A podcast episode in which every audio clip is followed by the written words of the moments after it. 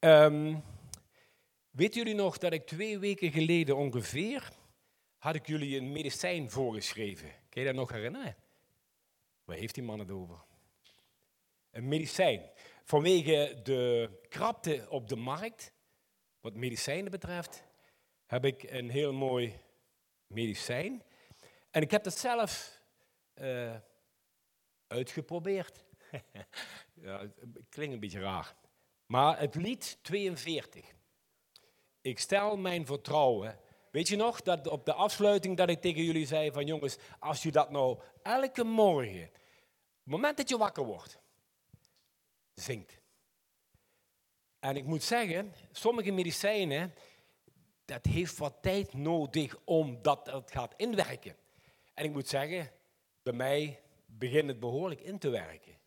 En het is, ik, ik ben niet zo'n zo'n brave, heilige jongen. Maar ik had wel zoiets van, ik ga dat doen. Ik heb dat jullie meegegeven en ik zou het dan niet doen. Maar ik kan nu wel vertellen en jullie uitdagen, ga dat eens proberen en kijk eens wat dat met je doet. Gewoon het zegt van, elke dag, ik stel mijn vertrouwen. Beleid dat eens, elke dag. Ik stel mijn vertrouwen op de Heer mijn God. Want in zijn hand ligt mijn levenslot. Alles wat ik doe, wie ik ben, wat ik nog ga worden, wat ik nog moet afleggen, ligt allemaal in zijn hand. Want hem heb ik lief. Ik hou van hem. Echt waar, ik hou van hem.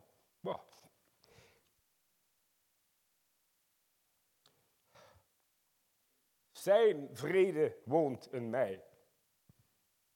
Ik zie naar hem op.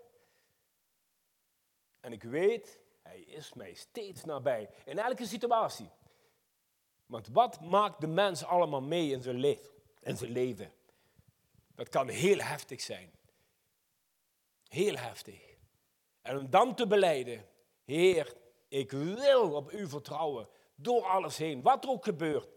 Wie ik ook ben. Ik ben niet perfect, ik doe van alles dingen, ik doe dingen verkeerd. Maar ik hou van u.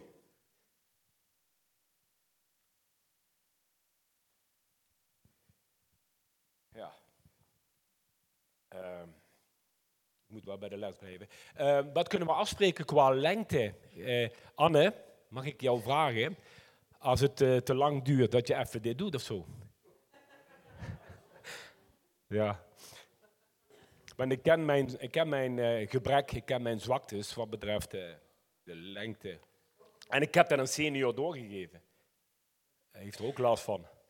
Ja, senior. Up. Junior, sorry. Zit ernaast. Um,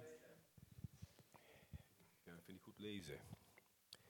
Um, ik, vroeger had ik, uh, zeg ik net tegen Rijn, vroeger had ik trefwoorden om mijn preek, uh, om in lijn te blijven met hetgeen wat ik zeggen wilde. En nu lukt me dat niet meer. Ik moet uh, steeds meer gaan opschrijven. En dat vind ik lastig, omdat ik dan het contact verlies met jullie. Omdat ik weer zo nodig moet kijken, wat heb ik nou allemaal opgeschreven. Maar goed, ik wil, uh, ik wil vertellen over de tijd waarin wij leven. En de tijd waar de Bijbel over schrijft. Het is zo'n enorm andere wereld, lijkt het. En is het ook andere cultuur, andere normen, andere waardes. Uh, de, de, de rollenpatroon tussen man en vrouw. Het was zo enorm verschillend tegenover het hier en nu. In de tijd waarin wij leven, hebben we te maken met ontzettend veel indrukken en invloeden. Ik heb maar een paar opgeschreven, wat heel recent is, bijvoorbeeld de aardbevingen in Turkije, in Syrië, de vluchtelingenstroom die maar voortduurt, blijft maar. Nou laatst weer een boot die gewoon onderweg uit elkaar valt en mensen verdrinken. De oorlog in Oekraïne, de economische onrust, de wedijver, de politieke wedijver tussen, ik noem maar China, Amerika, Rusland Noord-Korea, de verdrukking daar van christenen. Het conflict Palestina-Israël. Toenemende antisemitisme. Agressieve criminaliteit. Messentrekkerij onder de jeugd. En zo kan ik nog een hele lijst verder uitwerken. Die allemaal aan ons voorbij komen. Die ons, ja, ik heb daarboven geschreven, ik heb daar geen invloed op. Maar het heeft wel invloed op mij. Het doet iets met me. Het zet me. Heer, wat is er aan de hand?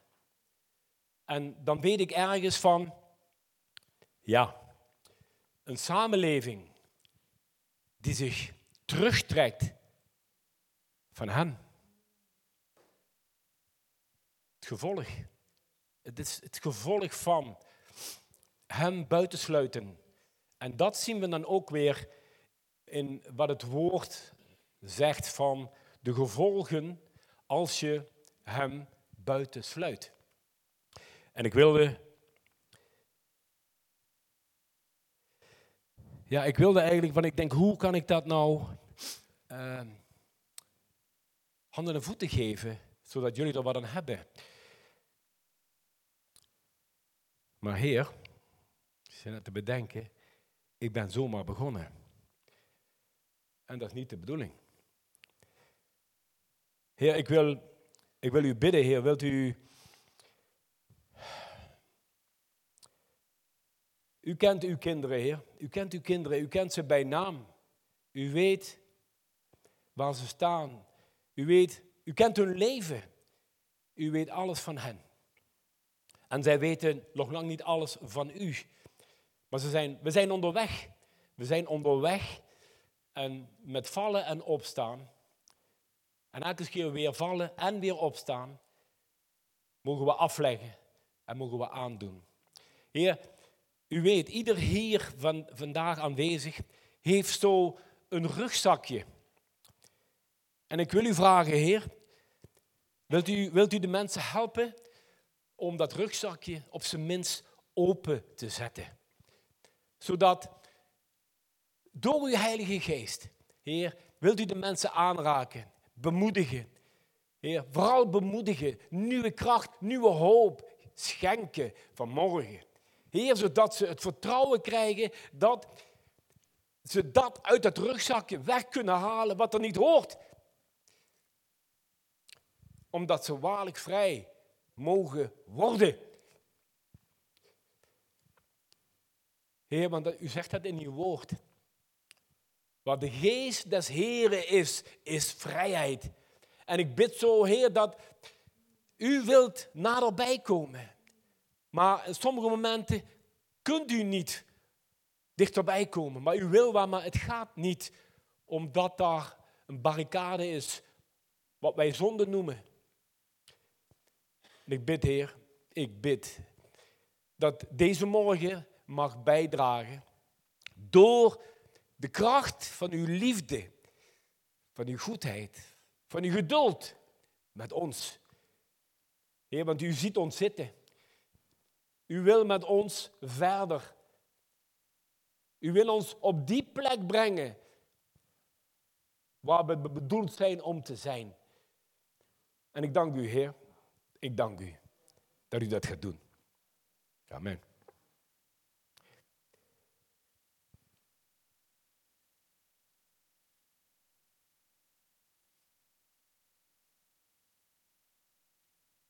Ik geloof wie geloof ik? En wat geloof ik? Zijn, bam. Dat zijn nogal statements. Ik geloof, zeggen wij. Ik, ik zeg, ik geloof. En wie geloof ik dan? Wat geloof ik dan? En dan, wat hier zo mooi staat. Jezus volgen, doen wat je gelooft. Dus je kunt niet meer doen dan dat je gelooft. Of je gaat het vanuit een religiositeit doen. Maar dan is het niet iets uit jezelf, maar dan is het iets wat de, de groep, de gemeenschap eh, van jou verwacht. En die verwachting, daar wil je aan beantwoorden. Ik heb hier opgeschreven, volg ik regeltjes en wetjes en vertoon ik gewenst religieus gedrag? Bam. Of durf ik uit te stappen, risico's te nemen en fouten te maken? Vooral dat, fouten te maken. Maak het uit. Is niet erg om fouten te maken. We mogen fouten maken. Maar het gaat erom, hoe reageer ik dan als ik die fouten gemaakt heb? Ik uh, wil met jullie naar een persoon. En jullie kennen die persoon heel goed. En de goede man heet David.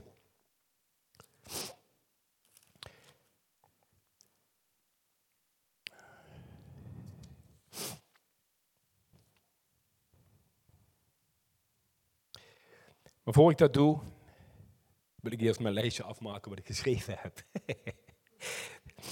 Hoeveel invloed heeft de Bijbel, Gods woord, in jouw leven? Uh, het tuinseizoen is begonnen. En weet je, je kunt in de tuin schoffelen of je kunt in de tuin spitten. En dat is het ook met Gods woord. Je kunt lichtelijk schoffelen je kent de verhaaltjes wel. als ik het dan over David heb, dan gaan bij jullie alweer lampjes branden van, oh hij zal het wel daar of daarover gaan hebben. Want we kennen de verhalen. Maar spitten is heel wat anders. Is echt omgooien. Ik noem het schatgraven. En dat is iets wat, ja, wat ik heel erg ben gaan waarderen. En het spitten. Omdat er zoveel rijkdom naar boven komt als je gaat spitten in Gods woord. Het is zo verrijkend en ik, ja, ik zou jullie graag willen uitdagen om dat te doen. Maar het heeft te maken met tijd reserveren. Tijd reserveren. Weet je, we zitten in een maatschappij die ontzettend veel van ons vraagt. De 24 uur economie, we kennen die uitspraak wel, hè? maar wat dat dan betekent, wat dat met je doet. Uh, hoeveel zit je niet op de automatische piloot? als je jonge gezinnen pakt, s'morgens vroeg, heksen, heksenketel van... Uh, die, die wil niet luisteren, die heeft zich nog niet aangekleed, uh, die eet zijn boterham niet op, uh, moet naar school, hallo jongens, opschieten. Gaat met de auto of uh, met de fiets. intussen is de man al werken, de vrouw die heeft ook een baan, maar die moet om negen uur beginnen, dus gauw, die kinderen moeten naar school. En zo gaat zo'n hele dag voorbij. Heb je al gezongen? Voordat je opstond?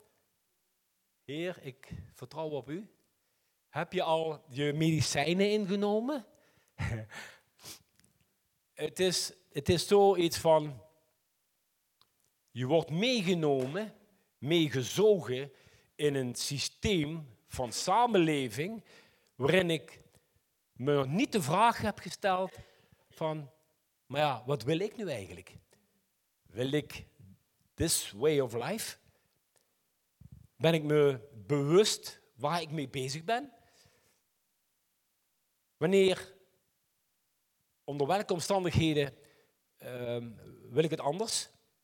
Dan heb ik zoiets van, hey, nu is het klaar, ik wil het anders gaan doen. David.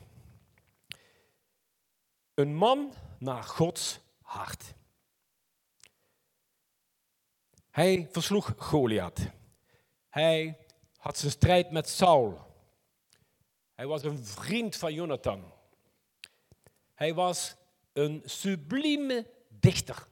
Al de psalmen. geweldig. Als je ze doorneemt, denk je van, hoe kun je het zo fijngevoelig beschrijven? Wie hij voor jou is. De strijd, niks is zo, hij is zo eerlijk in, in, in de puurste vorm van zijn strijd met.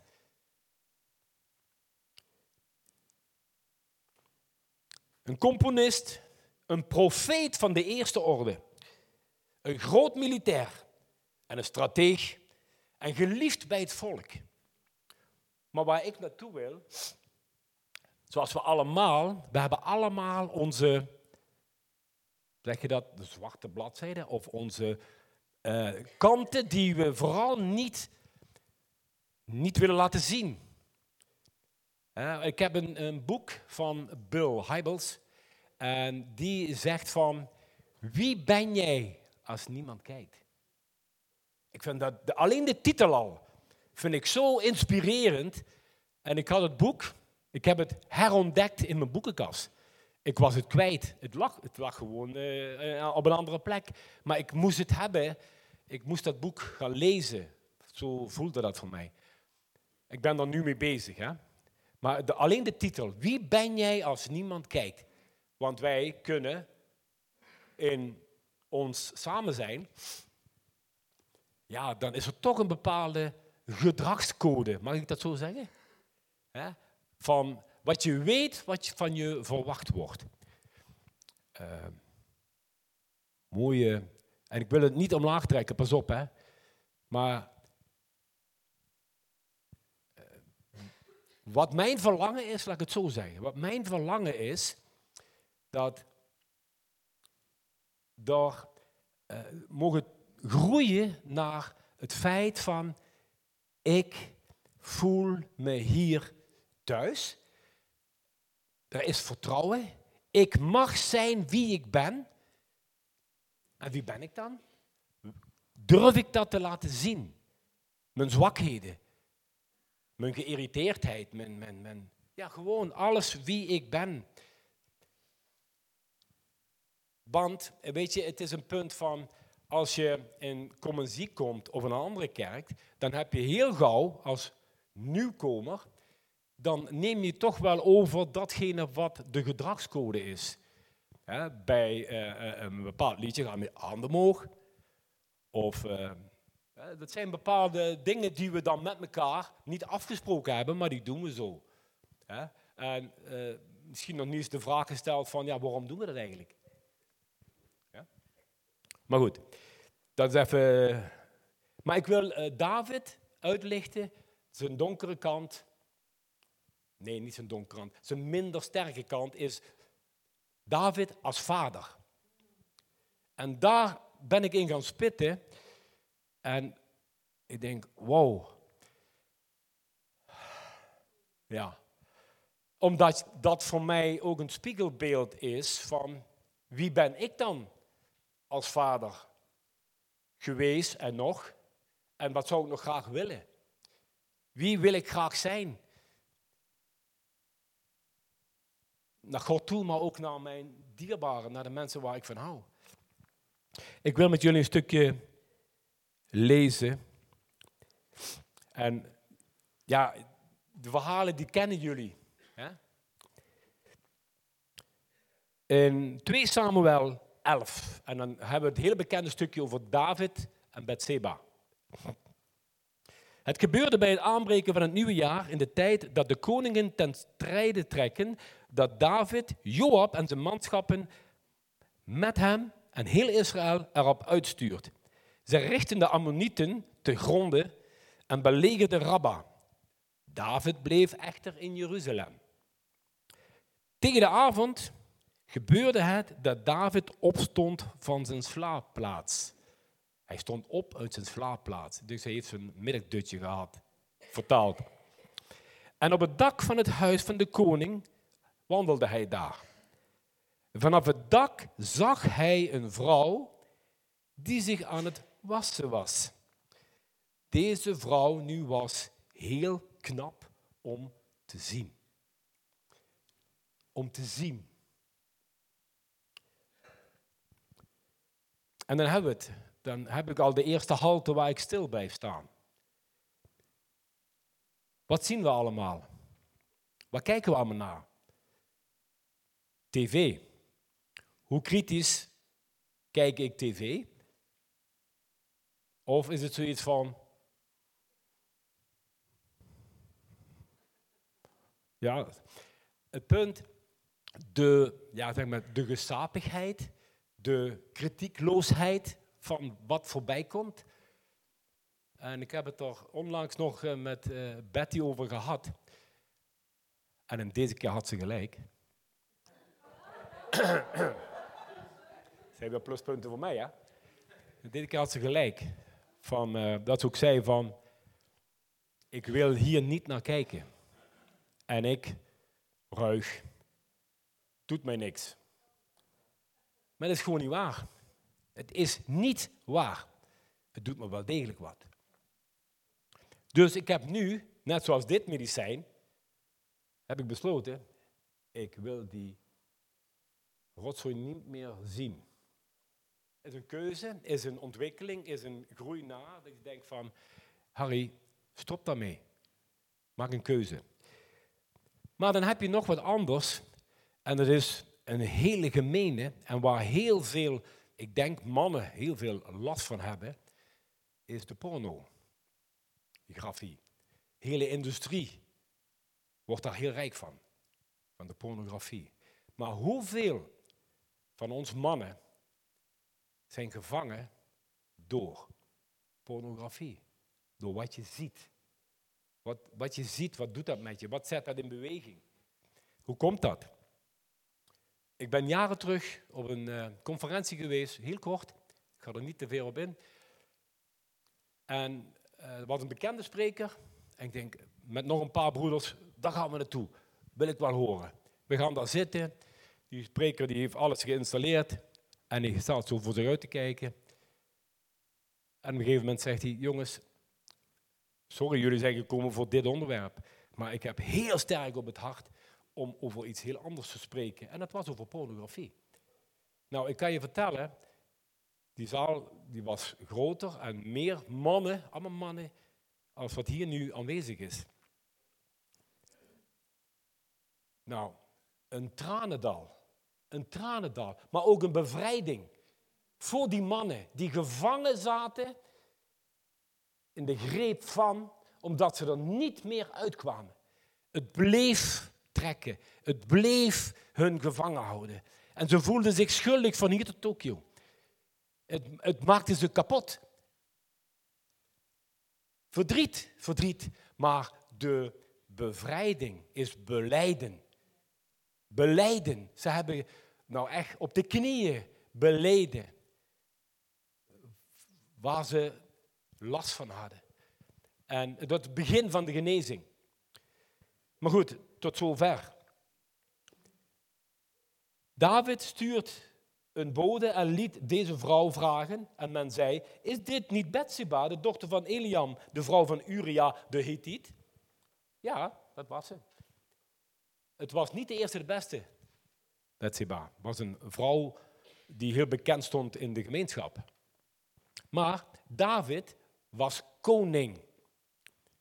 En ik zat dan hier, weet je, eh, als je eh, de Bijbel leest, dan kunnen in twee zinnen kunnen zoveel er niet staan. Wat er niet staat. En dat is wat mij interesseert. Van wat staat er niet, maar wat er toch gebeurd is.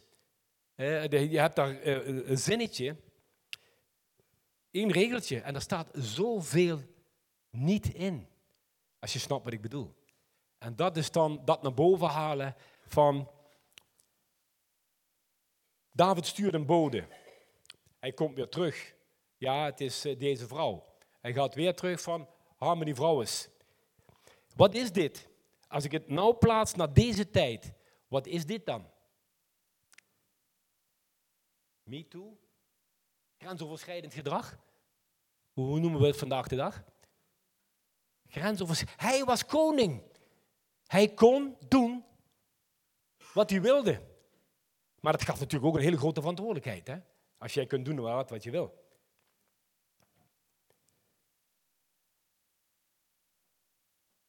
Hij sta, uh, Toen stuurde David boden en liet haar halen. Nou, hij liet haar halen. Hoe denk je dat dat dan gaat? Hij liet haar halen. Wil je alsjeblieft meekomen? Of eh, meekomen. Toen maakte muziek. Maar er staan ook, er staan ook andere uitleggen over dit stukje. Dat waarom moet Bathsheba zich zo nodig daar baden? Misschien had ze wel gerekend dat David haar zou zien. Snap je, dat soort, dat weet je dus niet. Het staat er ook niet. Dus ik laat me maar bij datgene wat geschreven staat. Toen zij bij hem gekomen was, sliep hij met haar. Mm Ja, nadat had hij waarschijnlijk geslapen. Maar het was niet zoiets van, kom even naast me liggen. Ik, eh, ik, val moeilijk in slaap. Dat zal het niet geweest zijn. Echt niet. Het was geen slaapmiddel.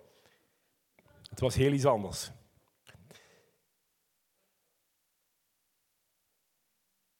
Maar zie je hoe, hoe, hoe dingen kunnen, kunnen. Want dit is vandaag de dag heel actueel, hè? Seksueel grensoverschrijdend gedrag. De directeur die met een ondergeschikte hè, gaat slapen, gaat rusten. Of in de filmindustrie, in de muziekindustrie. Nou, wat nou heel erg actueel is. Hè, van uh, Ali B, hoor je niks meer van. Uh, van al die uh, mannen die in één keer van het toneel zijn verdwenen. Dat is de samenleving waarin wij leven en waarin dat enorme grote rol speelt. Mekaar, ja wat, misbruiken. De vrouw werd zwanger van het slapen. Ze werd zwanger van het slapen. Dat heb ik nog nooit meegemaakt. Daarom stuurde zij een bode en vertelde David: Hé jong, ik ben zwanger. Maar wat gebeurt er dan met David? David is ook rechter. Hij is rechter van het land. Denk je nou dat David zichzelf gaat veroordelen? Uh, overspel. Wat was, uh, wat was de straf op overspel in die tijd? Zoiets? Toen stuurde David een bode naar Joab. Joab moet Uria van het slagveld halen. Kom, uh, de koning wil even met jou een gesprek. En dan, als je dat verder leest, wat een slijmbal is die David. Hij vraagt Uria, en hoe is het op het slagveld? Gaat het goed? Zijn jullie in de winnende hand? Maar dat wist helemaal niet waar hij in geïnteresseerd was. Hij wilde dat Uria naar Bathseba ging om te slapen. Ja, zullen we maar slapen blijven noemen. Hè? Maar Uria was een man met ballen. Normen en waarden had hij. Ja, zegt hij, wacht even. Joab in het slagveld. Alle soldaten op het slagveld. En ik kan slapen? Ah, -uh, gaan we niet doen. Nou, denkt David, pottikke nog. Weer een bode naar David toe. Uh, de bode weer naar uh, Uria toe. Maar er was onrust in de tent. Onrust in het hart van David. Ik, hij wist, ik heb heb gezondigd. Ik heb gezondigd. Maar in die periode heeft hij geen psalm geschreven. Kijk hè? Pas daarna. Psalm 51. Daarna nog een keer proberen om Uria toch zover te krijgen. Giet hem maar flink wat wijn in. Hij heeft waarschijnlijk een stuk in de hakken gehad. Maar wat hij niet doet, is wat David wenst. Hij gaat niet naar zijn vrouw. Hij doet het niet. Wauw. Maar het hele plan van David valt in duigen. Nou denkt hij, wat dikke nog, wat nou? Um, hij schrijft een brief. Stuur Uria naar voren, in de punt van de aanval. En daarna, als je dat gedaan hebt, trek je je als mankracht terug, zodat ik zeker weet dat hij gaat slapen, maar dan voor altijd. Dus hier is sprake van moord. Mag ik dat zo zeggen?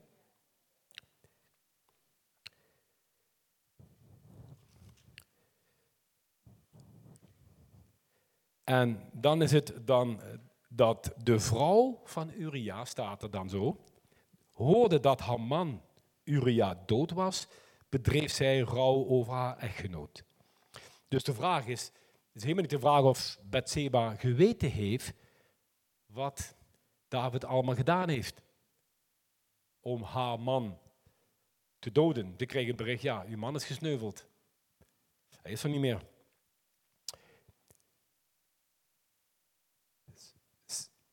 Toen de tijd van rouw voorbij was, stuurde David alweer een bode en haalde haar in zijn huis. Zij werd hem tot vrouw en baarde hem een zoon. Weet je, dat is weer zo'n zinnetje. Zij werd hem tot vrouw en baarde hem een zoon. Is een zinnetje, maar er zit, er zit zoveel in. Hè? Als ik me daarin ga verplaatsen. Ik ben ook, uh, weet ik veel, ik werk op het paleis. En ik hoor van alles. Geroddel en die zegt dit, dan heb je het gehoord, zus en zo. Weet je, dat is dan wat daar gebeurt. Maar het staat er allemaal niet. Maar wat David gedaan had, was slecht in de ogen van de Heer. En dan komt Nathan. En Nathan bestraft David. Maar de manier waarop hij dat doet, hij vertelt een verhaaltje over een arme man en een rijke man. En die arme man had maar één ooilam. Dat was maar een klein lammetje. Maar die sliep bij hem in huis. Hij gaf dat lammetje te eten. Hij was er helemaal gek op. Maar die rijke man, die, die had ik weet niet hoeveel lammeren, schapen, meer als, uh, als dat jij hebt. En, maar die rijke, die eiste dat lammetje op van die arme man. En dan krijg je dan, toen David dat verhaaltje te horen kreeg, toen ontstak David in grote woede tegen die man. En hij zei tegen Nathan, zo waar de Heer leeft, voorzeker, de man die dat gedaan heeft, is een kind des doods. En dat ooilam moet hij viervoudig vergoeden, omdat hij dat gedaan heeft en geen medelijden had. En hij heeft het over zichzelf. Hij heeft het helemaal niet in de gaten. Toen zei Nathan tegen David, u bent die man. Wauw. Als je dat te horen krijgt. Hé, hey, mijn jong, jij bent die man.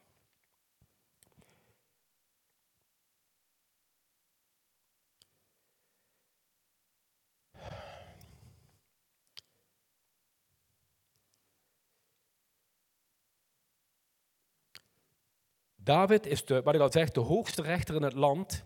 Maar nu is God rechter over David. En het feit dat God ingrijpt, was uit liefde voor David. Niet om hem te zeggen van, ja, nu ga ik even recht spreken over jou. Want er staat een stuk verder.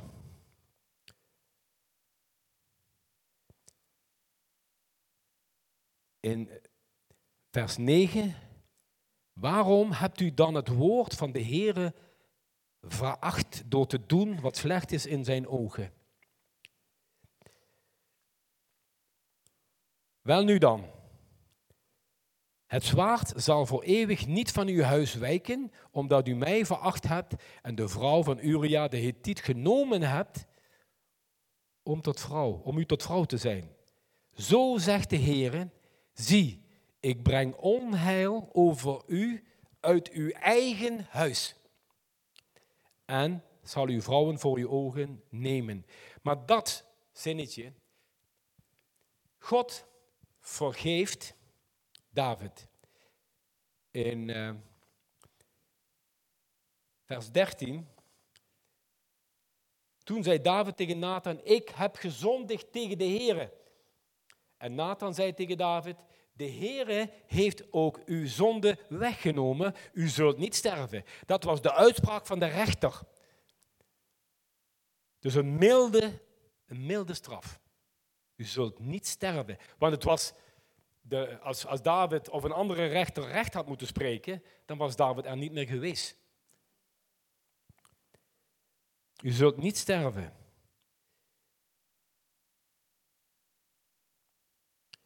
Maar zijn zoon, die geboren zou worden, die zou wel sterven. En vooral dat zinnetje, zo zegt de Heer, ik breng onheil over uw eigen huis. En dan gaan we dus verder. Intussen wordt uh, de kleine geboren, en we kennen het verhaal dat het kind komt te overlijden. David gaat vasten omdat hij de Heer toch zover wil brengen om genadig te zijn. Maar het gebeurt dus niet. Daarna uh, troost David Bathseba. En daar wordt Salomo uit geboren. Maar nu komen we op een verhaal wat er speelt, wat er kan spelen in een gezin. Nu het gezin van David, Amnon en Tamar. Nou, ik zal het in het kort vertellen, want het is te lang om te lezen. Amnon is de oudste zoon van David. En wat ik geconcludeerd heb, hij was ongeveer in de twintig, ehm, een verwend jongetje. Hij, kijk, David was koning, hè? Hij had, hij had een probleem, hij had tien bijvrouwen. Dat is best wel een probleem, vind ik. Ik zou het niet willen. Ik zou het echt niet willen. Ik zou niet weten wat ik zou moeten doen. Hallo! Tien bijvrouwen. Dus je krijgt dan uh, de vader in die tijd, uh, vrij, en zeker als koning, statig, afstand. Uh, je niet bemoeien eigenlijk met de opvoeding van je zonen, van je kinderen. Dat werd dan gedaan door de moeder van dat kind. Dat was dan, een, ja, in die tijd was dat dan zo, en zeker aan het hof bij David. Maar Amnon, die was verliefd geraakt op Tamar. En als ik het verhaal verder lees, dan vertaal ik verliefd zijn naar begeerte. Hij begeerde Tamar. Hij wilde ook slapen. Wat een slaapdozen hè, zijn het allemaal. Allemaal slapen, jongens. Hij wilde slapen met Tamar. Hij krijgt dan advies van Jonadab. Staat erom, wijze man, slimme man. Nou ja, valt wel mee, vind ik. Nou, hij zegt uh, Jonadab van, weet je wat, stel je nou ziek, doe net of je ziek bent. En uh, vraag je vader of hij even langskomt. En dan vertel je de vraag van, mag Tamar mij dan verzorgen? Intussen stuurt hij iedereen weg. Hij wilde geen getuigen van hetgene wat hij wilde. En uh, wat gebeurt is dat hij Tamar verkracht. Tamar probeert dat tegen te houden. Zegt, wees geen dwaas en uh, denk ook aan mij. Want hij luisterde niet. Zijn begeerte was zo sterk. Ja, een man van in de twintig. Een jonge jager, om het zo maar te zeggen. Maar hij zet zijn zin door. Ik wil hebben wat ik wil hebben. Ik heb altijd alles gekregen, dus dit wil ik ook hebben. Ik wil jou hebben. En hij verkracht haar. En wat dat in die tijd betekent voor Tamar, dat is gigantisch. Ze had een mooi kleed aan, een kleed van dat een ander kon zien, hé, hey, zij is maagd. En uh, daar had je respect voor, want zij was uh, bestemd voor een man om vlekkeloos haar leven aan de man te geven. En als jij niet meer rein was, dan, dan hield je leven op in die tijd. Zij is verkracht en Absalom, die hoort dat, die neemt zijn zus in huis. Maar het, het, het, erge is, David ontstak in woede, maar deed helemaal niks. Hij deed niks. Hij ging niet naar Amnon toe en zegt, wat heb je gedaan? Uh, de gevolgen zijn dit en dat, zo en zo. Niks. Helemaal niks. Dus dan heb je twee dingen. Dan heb je een Absalom die zeer teleurgesteld is in de nalatigheid van David. Het slappe optreden. Helemaal niet optreden. Tamar zit bij Absalom in huis. Is haar leven kwijt. Toekomst kwijt. Zal nooit geen man vinden. Haar veelkleurige kleed heeft ze afgelegd. En wordt een verbitterd vrouwtje. En dat is ook, verder lees je daar niet veel meer over. Alleen dat wat het met Absalom doet, deze teleurstelling over een vader die niet optreedt. Als ik dat dan naar deze tijd pak over. Um, we hebben allemaal eh, kunnen we met elkaar, en dat doe ik regelmatig, eh, terugkijken naar ehm, mijn vaderschap. Ehm, wat was goed, wat had beter gekund, wat wil ik beleiden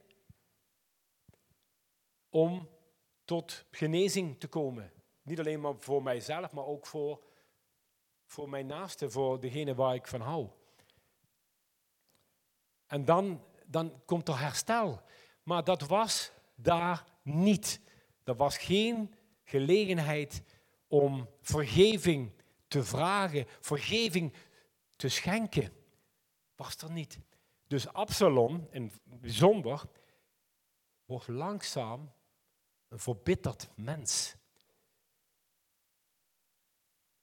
En na twee jaar bedenkt Absalom een plan om een, een schaapscheerdersfeest. Gaat hij naar zijn vader toe van, pa, soms zegt hij, uw dienaar. Dus dat zegt iets over de relatie die de kinderen met hun vader hebben. Heer koning, ik ben uw dienaar. Kunnen wij ons niks meer voorstellen, hè? Dat ik. Maar goed, dat was in die tijd zo, die afstand. Maar dat Absalom vraagt van, Wilt u, ik wil je uitnodigen om op het schaapsveerdersfeest te komen. Maar dat was dezelfde geest die David inzette om Uria terug te laten komen. Het is dezelfde geest. Beetje slijmen, maar hij had een ander plan. David had een ander plan. Absalom had een ander plan. En dan zie je al dat er iets in werking gezet wordt over die tekst ik zal verdeeldheid zaaien in je eigen huis. Kinderen gaan opstaan tegen jou. David is David. Hij doet wat hij doet. En ik wil David niet neerzetten als een schurk of een, of een absoluut niet. Het is alleen datgene wat hij niet in huis had, datgene wat ik niet in huis heb.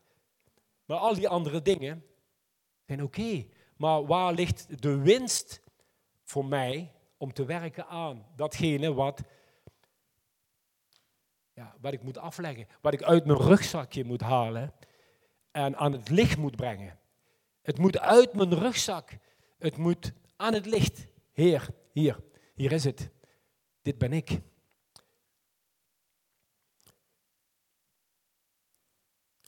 David gaat niet, maar wenst de zegen ik geef je de zegen mee. En hij neemt wel de zonen. Hij zegt, David, neem al de zonen maar mee. Dus hoeveel dat er zijn, dat waren er nogal wat. Die gaan allemaal mee naar het schaapschildersfeest. En dan komt datgene wat hij wilde. Hij geeft zijn dienaren de opdracht. Amnon dood. Amnon is dus dood. En Absalom vlucht naar Geesur.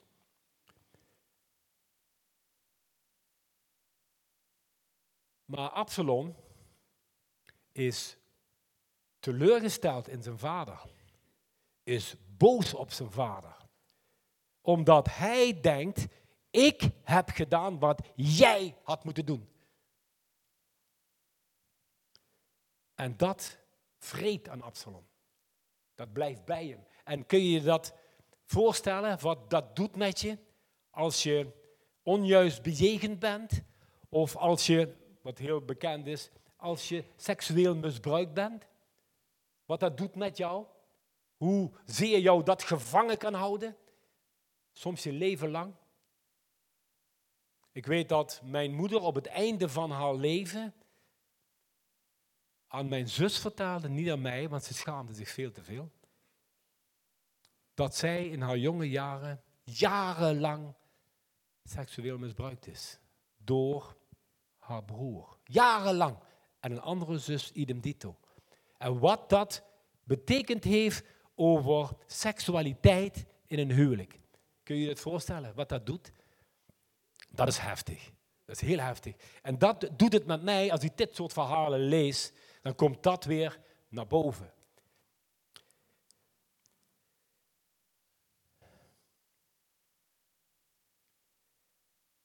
Dood van Amnon.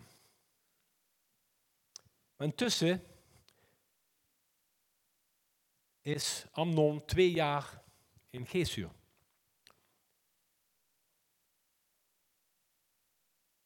Wat zei? Absalom, sorry. Absalom, natuurlijk. En uh, Absalom zit daar en hoopt toch weer dat zijn vader hem terughaalt. Vergeving schenkt. Maar dat gebeurt dus niet. Nou is uh, Joab, die ziet aan David dat hij zich niet lekker voelt. Hij is intussen over de dood van Amnon heen. En hij verlangt toch weer naar Absalom. Staat in een klein zinnetje, staat dat. Maar hij roept hem niet. Hij vraagt hem niet. Joab ziet dat en Joab bedenkt een plannetje. Om een vrouw uit Tekoa, een wijze vrouw, Joab bespreekt haar van wat zijn verhaaltje moet vertellen. Dat moet de inhoud hebben dat Absalom snapt, dat uh, David snapt dat hij Absalom moet terughalen. Die vrouw vertelt een verhaal op een hele ja, slimme manier. En het is net zoals Nathan vertelde naar David over die ooilam. Zo vertelt die vrouw dat weer aan David. En David snapt de boodschap en zegt: Oké, laat Absalom maar weer komen naar Jeruzalem. Maar, zegt hij, hij mag komen, maar ik wil hem niet zien. Snap jij daar wat van? Hij, hij mag komen, hij is onder de indruk van het verhaal, wat die vrouw uit Tekoa hem vertelt. En ik zou willen zeggen, als je 2 Samuel 11 hoofdstuk 11 tot en met hoofdstuk 19. Lees dat eens door. Want ik kan niet alles, uh, alles vertellen. Ik haal de hoofdlijnen eruit om het, uh, wat in die tijd speelde en wat in deze tijd speelt, wat we daarin herkennen.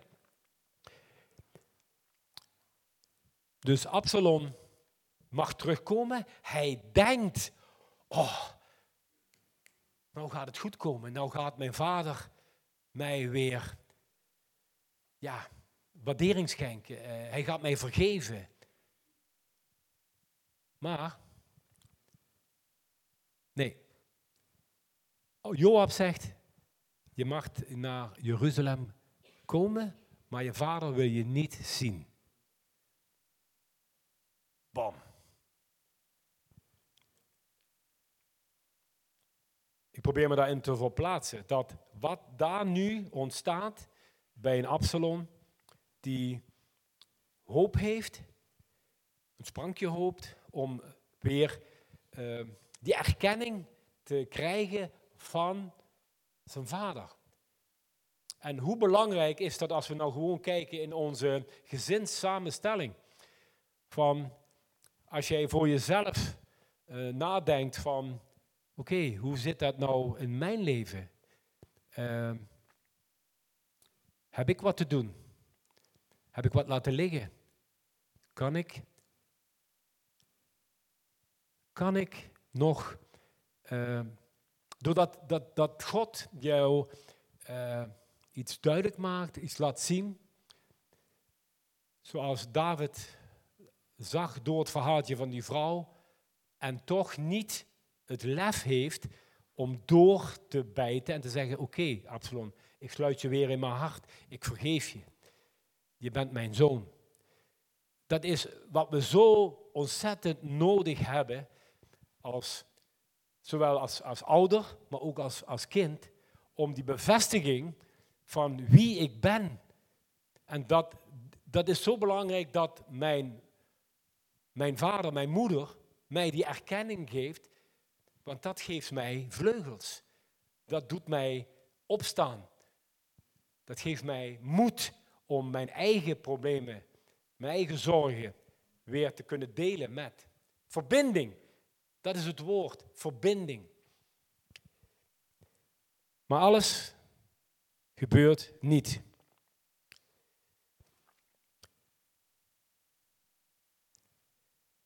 Twee volle jaren bleef Absalom in Jeruzalem, zonder het gezicht van de koning te zien. Nou, even mijn blaadje om.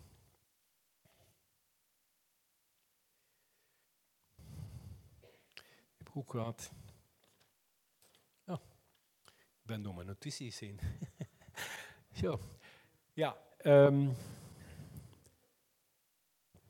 en dan krijgen we uiteindelijk, als Absalom alles gedaan heeft om die verbinding te zoeken met zijn vader, en het, hij wordt elke keer afgewezen, en afwijzing op afwijzing op afwijzing, is de school voor de weg naar criminaliteit, naar verslaving, naar van alles. Want als je daarna kijkt van um, met verhalen leest over mensen die geknokt hebben met uh, verslaving, welke dan ook, pornoverslaving, drugsverslaving, maakt niet uit. En je luistert naar hun verhalen, dan komt daar heel vaak de relatie met de ouders om de hoek kijken. Dat de vader heel erg dominant was, geen ruimte gaf aan, geen erkenning gaf aan. En uiteindelijk, en natuurlijk is iedereen verantwoordelijk voor zijn eigen keuzes die hij maakt.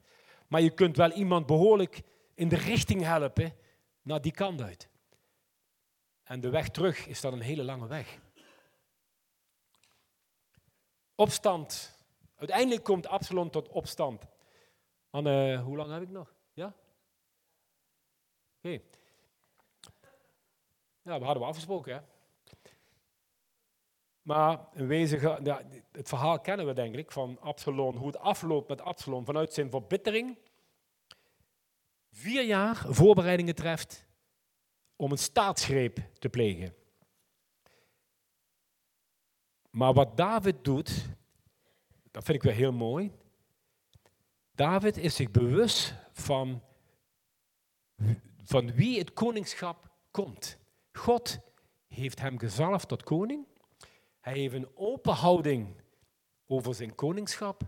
Hij zegt, als mijn koningschap dan eindigt hier, nadat Absalom komt bedreigen, hij vlucht, Absalom vlucht, met een open houding van, oké heer, als het u wil is dat ik mijn koningschap weer teruggeef aan u, het zij zo. Het loopt anders, maar dat is wel weer de kracht van, van David, dat hij het loslaat. En ook heel veel verdriet heeft natuurlijk over, niet over de, over de dood uiteindelijk van Absalom, maar ook verdriet heeft over zijn eigen falen. Want hij heeft gefaald wat dat betreft. Hij heeft heel veel successen gehad op de veldslagen. En iedereen was vol bewondering voor David en wij zijn het ook nog. We mogen heel veel leren van David. En zijn, zijn Psalm 51, die moet je eens lezen. Het komt uit, het komt uit zijn tenen, zijn berouw. Maar dat is, dat is ons leven. Wij kunnen ons vergelijken met uh, de dingen die in die tijd gebeuren, de dingen die in deze tijd gebeuren. En wat is mijn verantwoordelijkheid in de dingen die ik in mijn rugzak heb zitten en de dingen die aan het licht moeten komen om jezelf weer ja, vrij te zetten. En dat is wat ik jullie uh, toebid. Mocht er dus dingen zijn waar je zegt van ja, dat was voor mij, dan wens ik je veel kracht, moed vooral ook, maar geloof erin dat de weg naar herstel is niet altijd makkelijk, maar hij leidt naar grazige weiden, om het zo maar te zeggen. Daar ben ik van overtuigd. En ik wil het hierbij laten. Dankjewel, uh, Anne, voor jouw uh, timing.